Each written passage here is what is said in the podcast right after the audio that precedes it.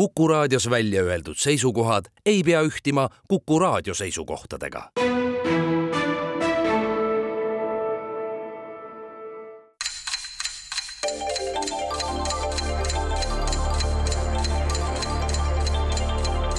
tarkade klubi targemaid küsijaid toetab lisateadmistega Postimehe raamatukirjastus tere taas, Kuku raadio Tarkade klubi tervitab häid kuulajaid ka Jaagupi kuuks kutsutud lõõskava juuli teisel laupäeval, kus paljud põllumehed on pidamas kinni hinge ja palumas, et teine niide loomasööta oleks ometi rammusalt õnnestunud ja tärganud ristikpunikutele ja muistudele väärtuslikuks valguallikaks saaks. möödunud vähe vesisem nädal neile seda lootust kindlasti ka veidi annab aga kõiki neid, kes vastava omandi puudumisel sellest hoolida ei oska, on kindlasti rõõmustamas võimalus obomloomamlusega selle sõna parimas mõttes tegeleda ja sekka poetada mõni käik raiesmikku, metsmaasika ja mine tea, ehk ka siin-sealt Üma maa peal külgkollase moraka jahile tegelikult igaühe valik, mida suvega peale hakata, kas rikastada seda Eskimo jäätise, umbrohu kitkumise supluse või Umberto Nobili seikluste lugemisega. selles seisnebki puhkamise võlu. tarkade klubi on hoolimata kõigist nimetatud ja nimetamata ahvatlustest end siiski distsiplineerimas lähema tunni jooksul, olemaks keskendunud etteantud ülesandele, milleks on küsimustele vastamine. nagu ikka, kümnele küsimusele viiel erineval teemal. ja vastajateks on ikka meie head sõbrad ning ka kirjasaatjad. Tartu stuudios on hea meel taas tervitada tarneahela eksperti Tarmo Niinepuud. tere! ja infotehnoloogia inseneri Janar Tiiroja. tervist! Tallinna stuudios on aga hea meel nädalase vahega tervitada head Riigikantselei juristi Hendrik Rangi. tere! ja Hendriku paarilisena head tõlkijat ja väärtfilmide eestindajat Mart Rummot. tere! kümme küsimust, niisiis on täna koondunud teile järgmiste teemade alla. Slava Ukraini, geograafia, venekeelsed väljendid, kultuur ja Vaaria. küsijad on täna Kivimäe kooli ajaloo ja ühiskonnaõpetuse õpetaja Margus Pillau ja raadiokuulajad Taavi Poe ning Eerik Puura. alustame ja anname avavaliku õiguse headele tallinlastele, Mart ja Hendrik, palun kuule, mina mõtlen, et vaata, vene keel äh, on kangesti moest ära, aga mina veel vanast ajast mäletan üht-teist, äkki proovime sellega? no siis ma pean sinu peale lootma jääma. ja saate ka törts kirjandust juurde. Ukraina rahvusest suure vene kirjaniku Nikolai Gogoli teoses Surnud hinged on tegelane nimega Stepan Aleksandrovitš Pljuškin, mõisnik. tema nimest on mõistena tuletatud nõndanimetatud Pljuškini sündroom ehk siis teatud viisil või teatud sisuga tegevuses avalduv kompulsiivne ehk sundkäitumine, mis vastavale Gogoli kreatuurile omane oli. mida see endast kujutab? Mõni aeg tagasi sai ilmsiks üks muuhulgas küsitava näitega mõtlema panev lugu Koosa külast, Pljuškini sündroom mm. -hmm, nüüd ostsin reha otsa, seda ma ei tea Pljuškini sündroom. Koosa külast, mul ei tule ühtegi uudist ette, kas sul tuleb? hetkel küll ei meenu, see on kuskil Tartumaal, eks ole, Emajõe ääres. Pljuškini sündroom. ma ei ole surnud hingi lugenud ka, et ei tea Pljuškini karakterit ega tausta kompulsiivne käitumine. kompulsiivne käitumine, mingisugune sund. nimelt tunneb, et ta peab midagi tegema või teeb tahtmatult. peab edasi-tagasi kõndima või? näiteks. või karjuma. midagi üsna omapärast, muidu oleks see levinum ja tuntum. see võib siiski olla siis midagi sellist haruldasemat. jah, ja üsna konkreetne ilmselt. ega ta midagi büromaaniaga seoses ei või olla muidugi ei tea, võib-olla teen liiga siin, aga lihtsalt Või- oletades. võib vabalt olla jah, aga noh, büromaania on, on laialt tuntud. nojah, see ise on ka, eks ole, selline väljend. ja äh, kuidas äh,, kes see Pljuškin oli, tuleta palun meelde mõisnik Stepan Aleksandrovitš Pljuškin, Mhm. surnud hingede üks tegelastest. mm? -hmm. mõisnik võis näiteks oma talupoegade pärisorjadega halvasti ümber käia või ka hästi muidugi, mida juhtub harvem Mm -hmm. hea käitumine ei pälvi nii palju tähelepanu. võib-olla siis hoopis on midagi töösuhete vallas tänapäeval see paralleel või käitus oma töötajatega kuidagi. võib-olla jaa, ja näiteks väike, väikeasulatest äh, tuleb ka uudiseid, kõige rohkem püüavad, püüavad pilka mingisuguse ainete liigtarvitamise ja, ja füüsilise vägivallaga. Türil tõugati meest. jah, see üllatab alati uudiskünnis, aga Koosa, huvitav, mis vallas ta on, ta on no igatahes ta vist seal Tartust nagu kuskil sinna kagu poole, aga ei, ei meenu ühtegi Koosa küla sündmust hetkel ja Pljuškini kohta ka midagi ei oska öelda. kuule, aga proovime sellega, ma tõesti ei tea, peab midagi fantaseerima, ongi näiteks, näiteks jõhkrutsemine oma alluvate või ligimeste vastu.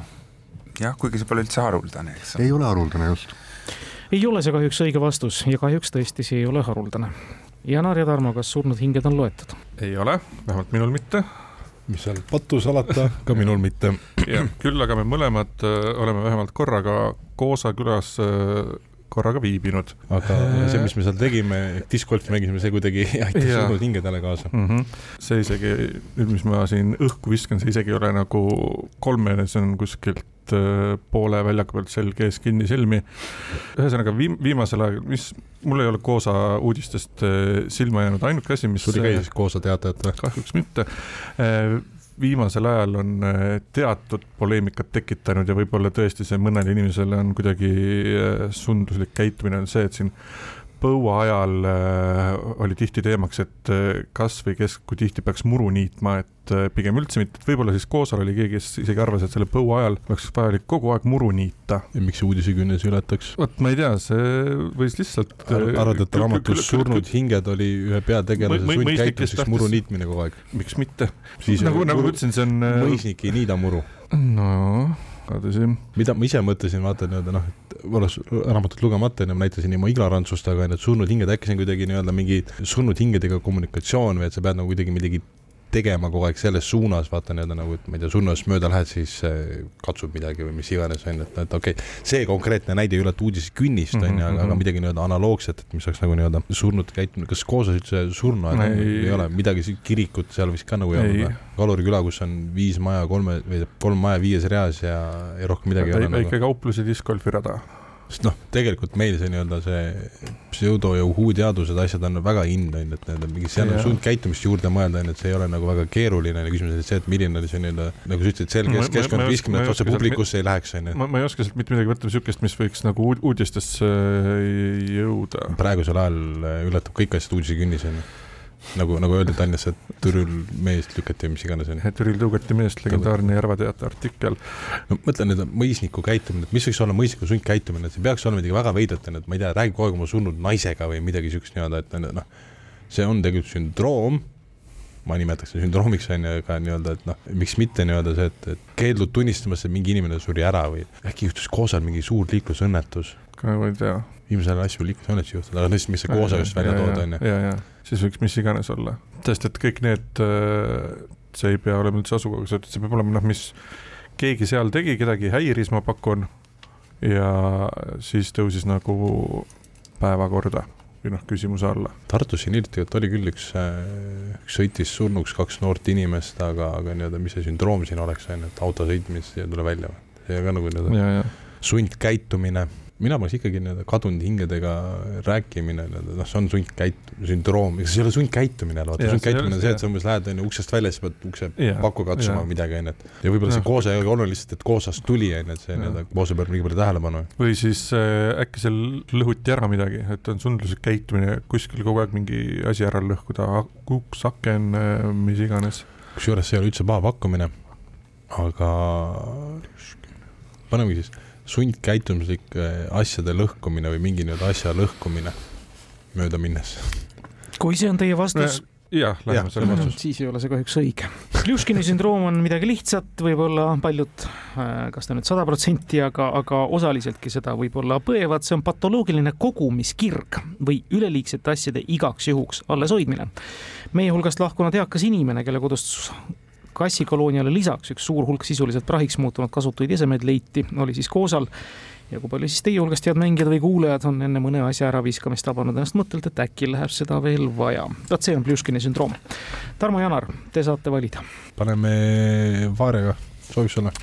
Vaaria küsime mõistet, mis sellisel eestikeelsel kujul homonüümina nii erinevatele aladele kui hüdroloogia ja värsiõpetus omased on hüdroloogias tähistatakse sellega vett, mille soolsus kolmekümmet promilli ei ületa ja on tuletatud rootsikeelsest sõnast, mis tähendab härmatist. värsiõpetuses aga alamsaksa keelest tulnud ja ühele teatud vormivõttele osutab, milline sõna või mõiste? See sõna võiks olla riim.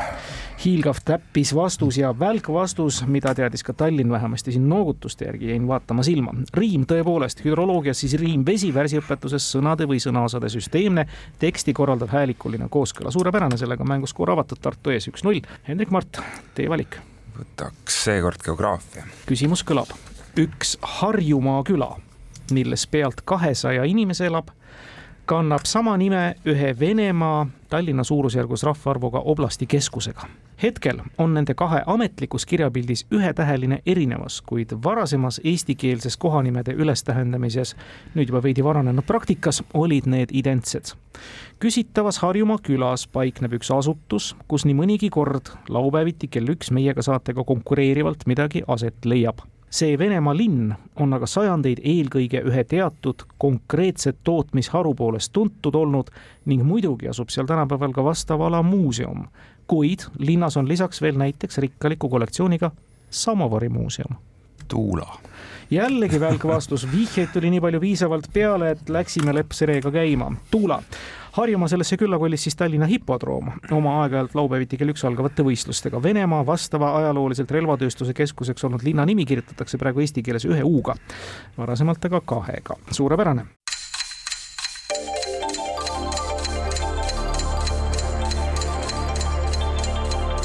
tarkade klubi targemaid küsijaid toetab lisateadmistega Postimehe raamatukirjastus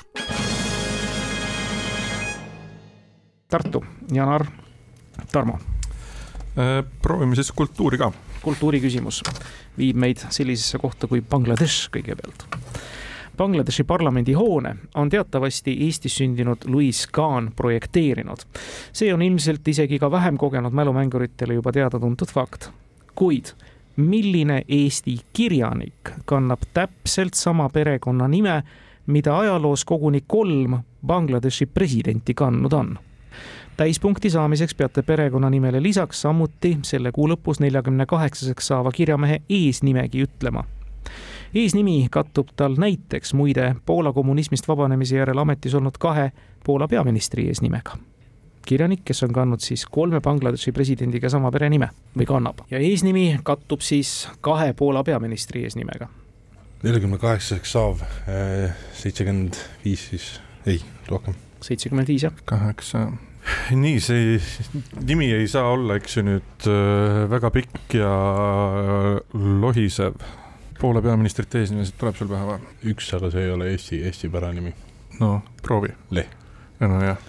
onju, aga, aga nii-öelda, kui me võtame siukseid Eesti nimesid, mis võiks olla ka Poola peaministril eesnimed onju, siis mingid, mingid Pjotor äh..., Peeter, Peeter Raatan, see oli täpselt sama aga ma mõtlen, et Bangladeshi perekonnanimi võiks olla, kas see, ütleme, et Eesti kirjaniku nimi, mis ei kõla väga eestipäraselt, on sul midagi selle äh, valdkonnas midagi pakkuda?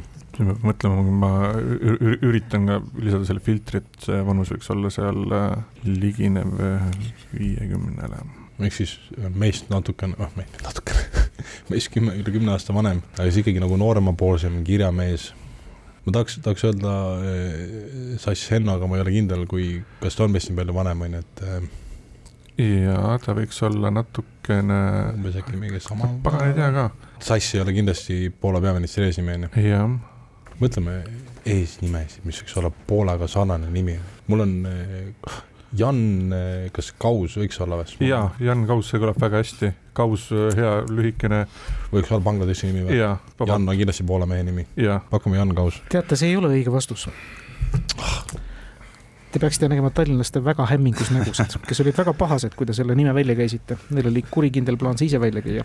saate mõelda nüüd pagan küll, ma olen täiesti kindel Kausi peale, jube rahul endaga. okei okay,, Jan Kaus on maas seitsmekümne viiendal aastal sündinud, siis järelikult, kes meil seal olnud on, on olnud Donald Tusk, aga noh, ta oli üks, eks ole, seal oli kahe Poola peaministri, Aleksandr Kvasnievski oli, nii et võib-olla, oli vist Aleksander, Aleksander võib see olla ka. ja Aleksandrit Aleksandr. ei tule e-kirjanik ette, ma mõtlesin ka Stanislav, Vladislav, sellised nimed aga ka kirja, kirjameeste seas ei ole enam meil. korra ma kirjutasin ka Andrei. jah, iseenesest võiks olla, aga Vostov nagu no, vaevalt, vaevalt, et Bangladeshi president oli jah. äh, Andrei see on vana Bangladeshi nimi on.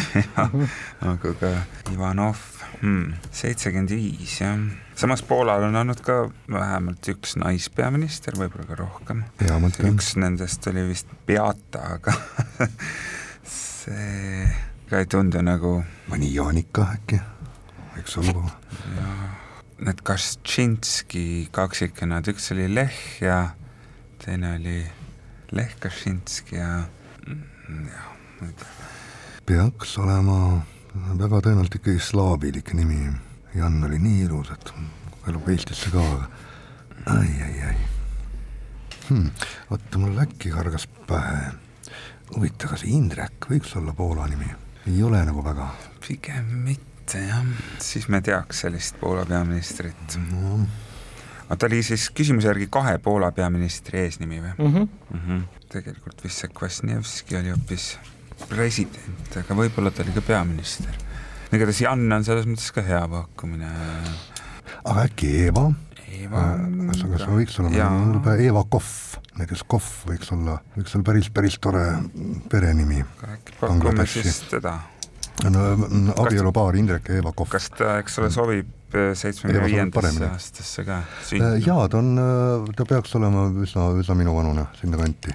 proovime Eeva Kohviga.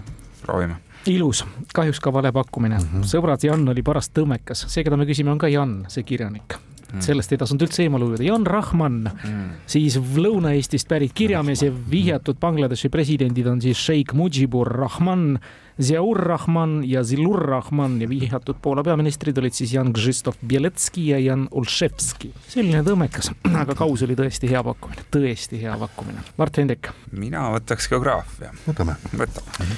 Läheme geograafiaga edasi ja näib nii, et sellest saab meie esimene ammendatud teema täna. Ja see nüüd on ühisküsimus Taavi Paelt ja Eerik Puuralt. küsivad. Eestis on üks küla, mis on oma nime saanud ühe kehaosa järgi, mis ei ole päris normaalsetes mõõtmetes. küla on eelkõige tuntud seal paikneva sihtasutuse järgi, mille tegevusvaldkonda huvitava kokkusattumusena kajastab ka oja nimi, mis läbi selle küla voolab. küsitav küla on seotud olnud ka Konstantin Pätsiga ja mainitud ojale rajatud Paisjärvest laulab ansambel Puuluup. Küsimus on kaheosaline, mis küla ja mis oja? oot-oot-oot, Puuluup äh,. ütle palun uuesti see Puuluubiga seotud vihje.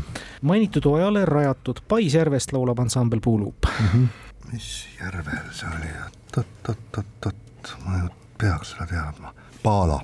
oota, aga mis kehaosa ta on? aa, ja, ja. Paala pole ju ka küla, ta on ja, ja, ja. Viljandi, eks ole, mingi Paala järv. No muidugi Paala küla võib ka olla. jah, aga see ei ole, see ei ole kehaosaga kuidagimoodi seotud, jah Eesti küla ühe kehaosa järgi. mis ei ole normaalsetes mõõtmetes. ei ole normaalsetes mm -hmm. mõõtmetes. mis see üldse tähendab? no näiteks suure nina või midagi, midagi sellist võiks okay, olla. ja sihtasutus kajastab ka oja nimi, mis sealt läbi. küsitav küla on seotud olnud ka Konstantin Pätsiga. Konstantin Pätsiga, noh, seal oli ju Tahku rannas ta sündis ja Tahku nina või ei nina on väga äh,, väga tõenäoline just nimelt äh, suu on ka. neemed äh,.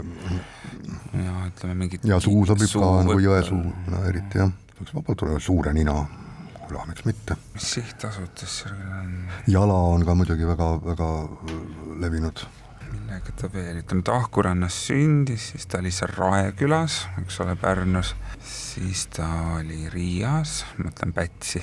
Siis mm, -hmm. siis ta õppis Tartu Ülikoolis, siis ta oli Tallinnas, Paguluses, Soomes, Šveitsis, siis tuli tagasi, siis ta oli, eks ole, Kloostrimetsas oli tal talu, siis oli seal, hiljem oli tal, eks ole, presidendi residents oli Toilas, Toila orus aga noh, eks ta võis muidugi olla seotud olnud veel paljude teistegi kohtadega mm. -hmm. sihtasutused, mis meil on, igasugused Maarja külad ja ja mingid muud päikesekülad ja, ja mis muud meil on.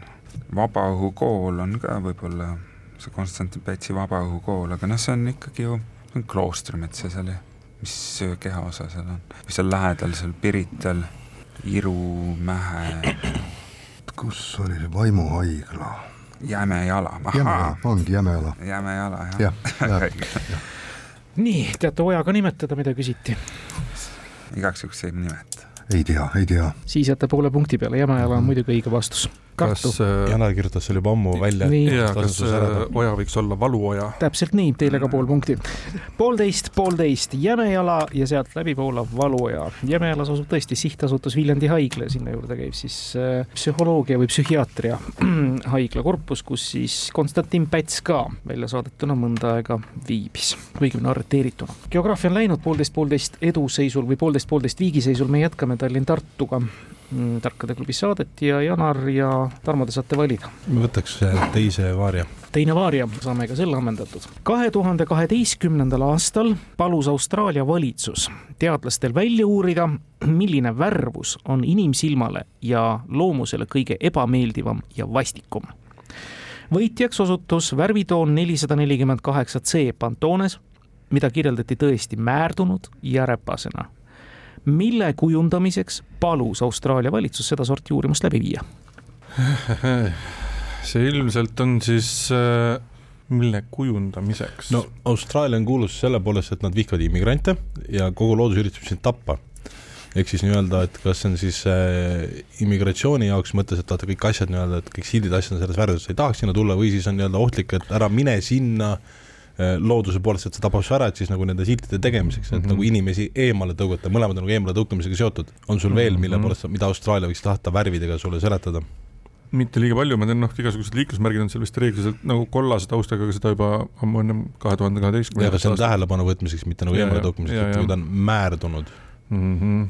millegi kujundamiseks. kui panna kirilik kolmeneliseks eemale tõukamiseks, see kehtib nii immigratsiooni kui ka looduses ohtliku märgi tegemiseks nii-öelda. ma mõtlen, kas see, mille, mille, mille kujundamine, et äh, kas see siis tõesti on nii- nii-öelda mingi, nagu sina mõtled, mingi silt või mingi sihuke asi või siis on see nagu pigem mingi ob- objekti juurest nagu kasutatud äh, ei no jaa, aga miks sa lähed nii detailseks, ma räägin millegi eemale tõukamiseks. no ma arvan, et me selle, ma, ma arvan, et me selle eest äh, ei saa isegi null koma ühte punkti.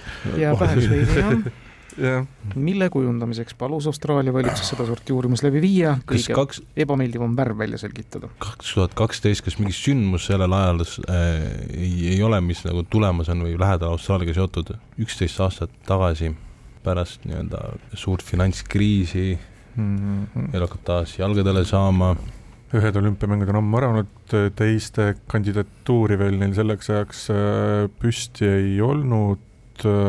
pakun, et see on äh, ebameeldiv, värvata, noh, ikkagi määrdunud ja räpane. ma ei kujuta ette, mis see olla ma just mõtlen, mis Austraaliaga nii-öelda veel nagu on, et noh, mul endal nagu seostub, ma mõtlesin Eurovisiooni enne, aga nad Eurovisiooni tulid ka hiljem, vaata.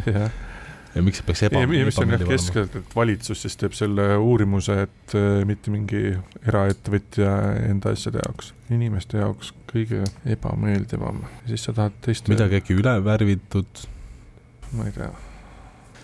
jah. Kaks tuhat kaksteist, mida me sellest ajast aa, kuule, nii, austraallased on ka väga tugevad äh, selles, et äh, tubaka ja alkoholitooteid piiravad. ja kas mitte Austraalias ei ole see, et äh, sul sisuliselt suitsupaki peal ei tohi olla mitte mingit brändingut ega midagi. et siis selle värvi äkki on pandud, et suitsupakid peavad olema kujundatud selle ilgelt koleda värviga. ma ei tea, suvel, jah, paneme selle. proovime sellega. suurepärane tuletus, välja tuletasite tõepoolest suitsupakkide kujundamisel, et nad mõjuksid ka tarvitajatele samamoodi hästi eemaletõukavalt ja vastikult ja muide kujundatigi sealsed sigaretipakid siis nelisada nelikümmend kaheksa C Pantone värvuse järgi mitte ainult Austraalias, vaid mujalgi, sest see eeskuju nakkas. poolteist ja kaks pool Tartu läheb selle teadmisega ja väljatuletamisega ka mängu juhtima, meil on jäänud lõpuni neli küsimust ja kolm teemat, mille vahel valida, nii et Hendrik Mart, Ukraina venekeelsed väljendid või kultuur tema kultuuri. minugi poolest. Taavi Põe küsib. Eesti kunstiklassiku Eduard Viiralti üks kuulsamatest töödest või motiividest on puude all pikutav tiiger. tuhande üheksasaja viiekümnendatel aastatel lisas ta sellele tiigri pildile ka oma kunagi Eestisse jäänud kassi kujutise. konkreetne pilt oli muide ka hiljuti oksjonil tänavu kevadel müügil ja seitsmeteist tuhande eurose hinnaga leidis ka uue omaniku. tiigrid leidis Viiralt oma tööde jaoks Pariisi loomaaiast, aga Taavi Pae tahab hoopis teada saada, mis on pildil kujutatud Eduard Viiralti kassi nimi. kassi nimi on ka üks maavara, mida maailmas arvatakse olevat neli triljonit kuupmeetrit. Eestis on aga hinnatud selle varu ühe koma kolme miljardi tonnini. see on kõik jah? see on kõik. no olen kuulnud seda, mis nüüd meelde ka tuleb. kassi nimi. kassi nimi, veider nimi jah, juhuslikult on, on, on mul see kuskil silma jäänud, aga nüüd, nüüd hakkan mõtlema maavarade peale. jah, võime siin, Eestis on teda üks koma kolm miljardit tonni, see on ju päris palju. jah, fosforiit põlevkivi, mis meil on need on, eks ole, need ühed väärtuslikumad, siis on meil ehitusmaavarad nagu liiv, savi, turvas, kas turvas võiks olla kassi nimi? veider nimi oli küll, praegu ei lüli kohe ära, aga aga mine, mine hullu, äkki oligi turvas, äkki oligi turvas. laseks veel natuke läbi. kas ta oli mingit kassi värvi? kohta, kassi kohta just väga kummaline nimi. meremuda on meil, paekivi muidugi. ja kivi, kivi ei olnud, mingi metall ei olnud. lubi.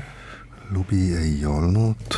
turvas, turvas hakkab mulle meeldima, oot-oot-oot-oot, maavara. savi, savi võiks ka olla, see on hea lühike nimi, aga. jah, aga ei olnud. ei olnud savi. ja pikem, pikem ja, jah, igatahes ise ei tuleks selle peale, et oma kassile selle paneks. äkki siis oli turbas või? tead. mis värvi ta Lähme, lähme turbaga. kas ta oli see tumedam või? vaat äh, gravüüri peal ei saa aru mm. -hmm. No. võib-olla oli oranž isegi ma ei tea. Kuule, paneme, jääme, jääme turba juurde paneme turvas. see on suurepärane näide heast koostööst, mis viib õige vastuseni. turvas on tõepoolest õige vastus. turvas oli Eduard Viiralti kassi nimi ja on talletatud Eesti kunstiklassika ajalukku ja turvavarud on tõesti sellised, nagu on hinnatud. muide, pool sellest on umbes siis sellist aktiivset varu ja pool passiivset, nagu geoloogid ütlevad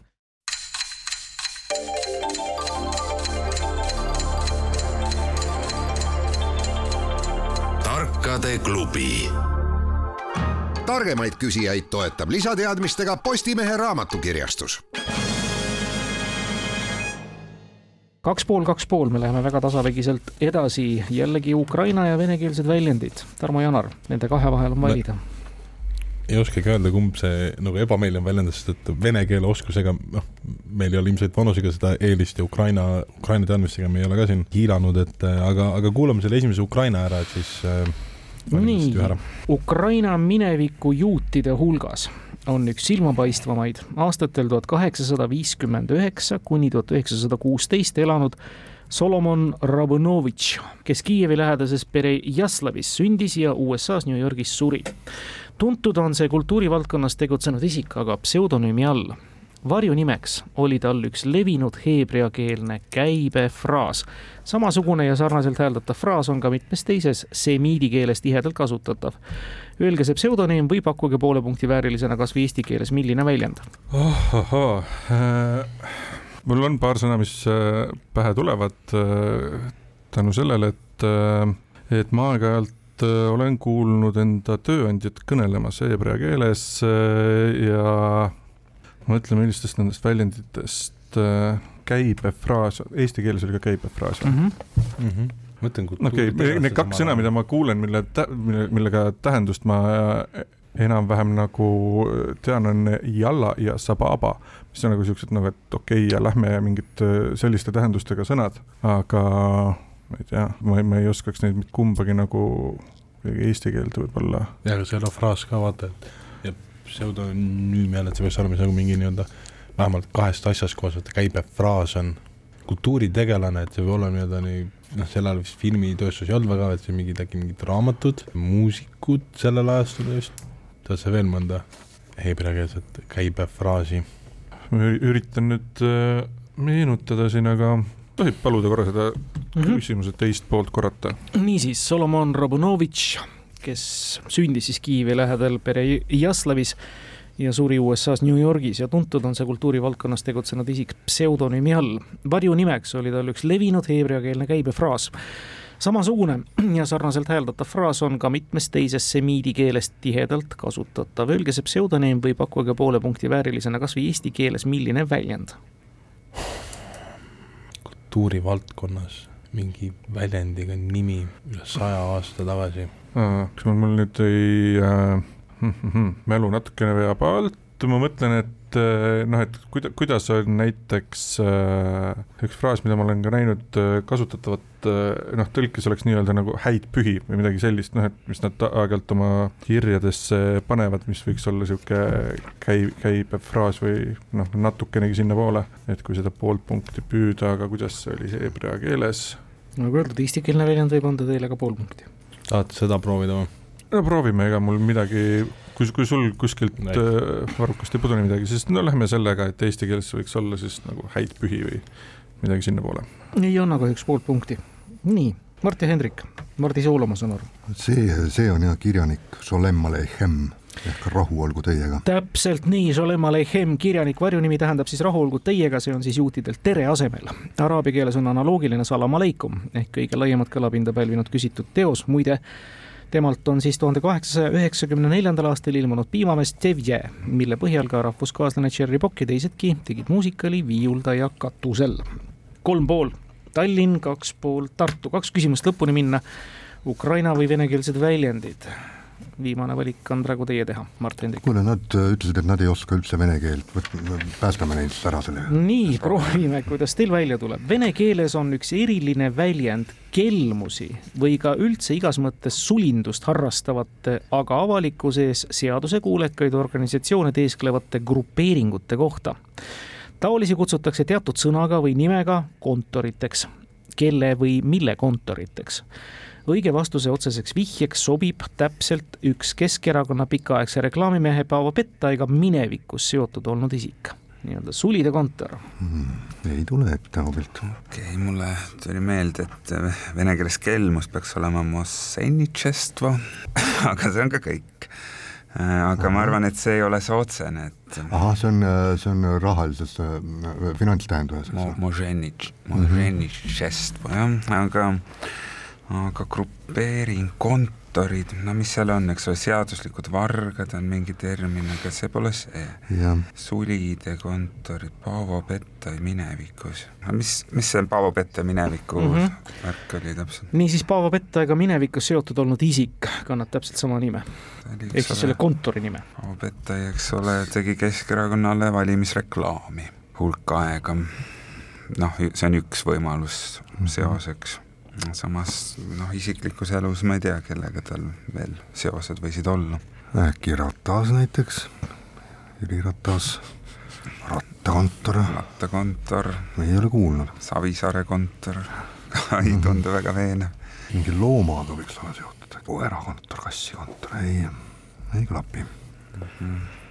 kuidagi oli kunagi seotud ka Riho Rõõmus, rõõmsad kontorid ka ei tundu. -hmm. ma küsin, kas see Pettaiga seotud nimi, aga see on siis tõlkes?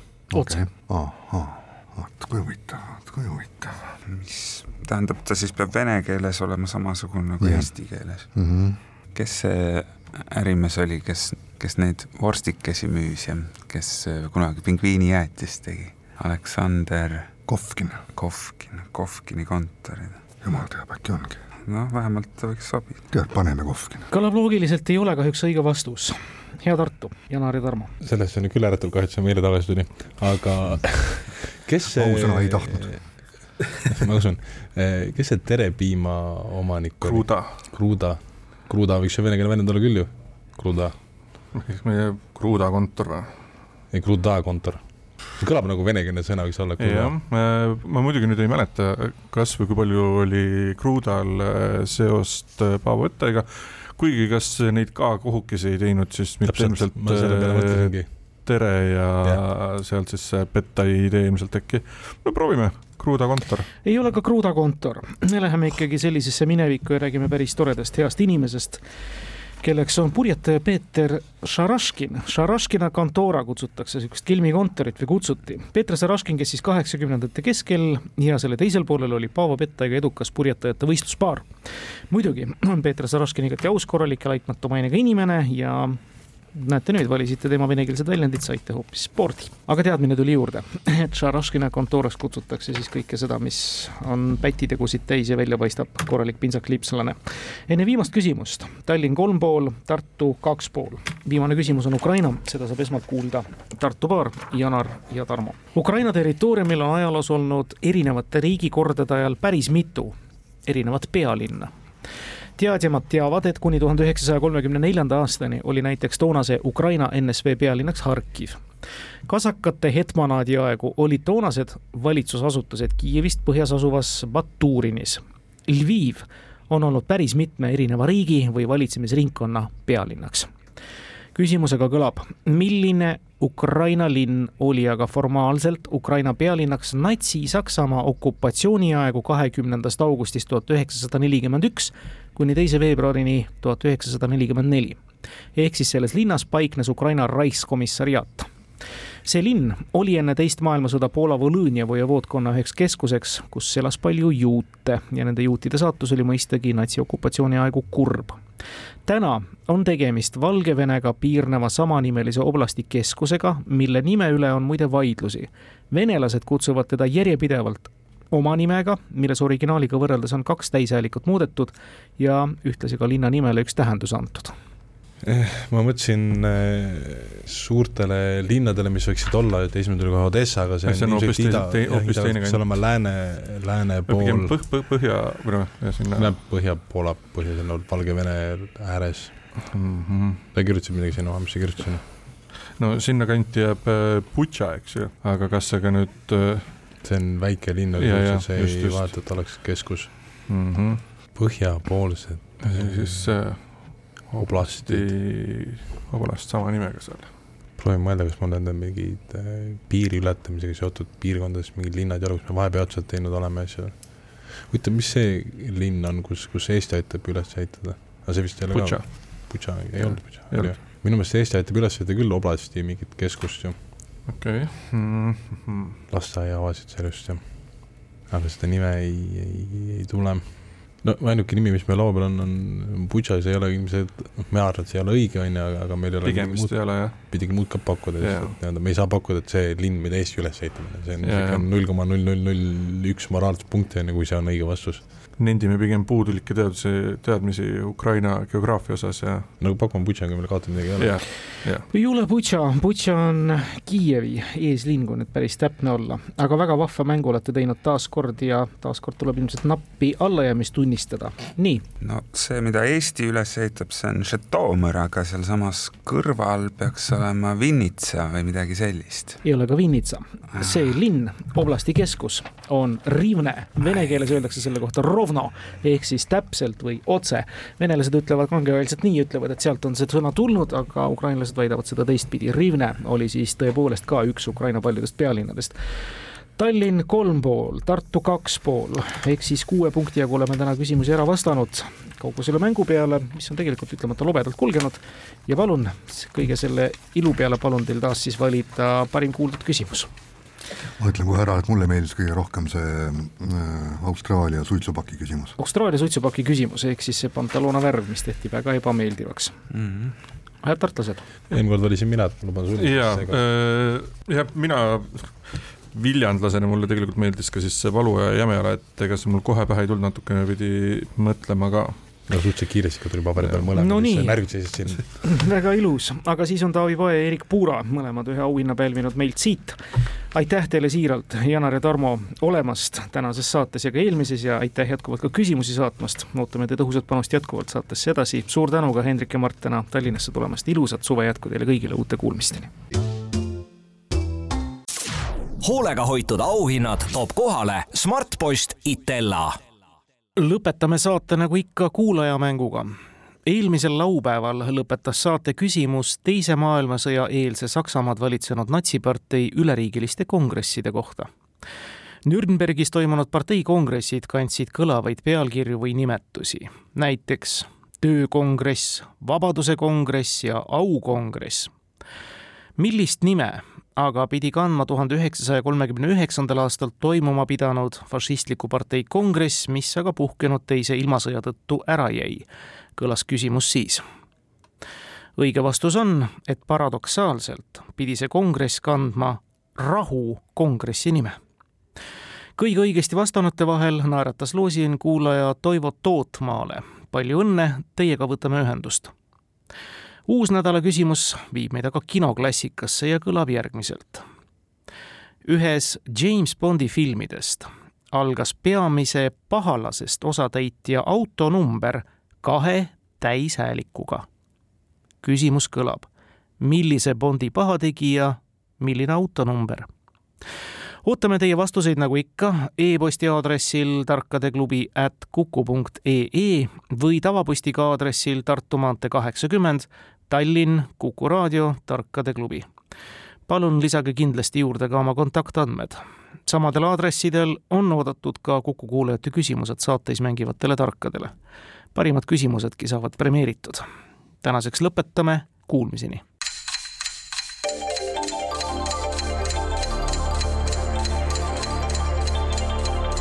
tarkade klubi. Targemaid küsijaid toetab lisateadmistega Postimehe raamatukirjastus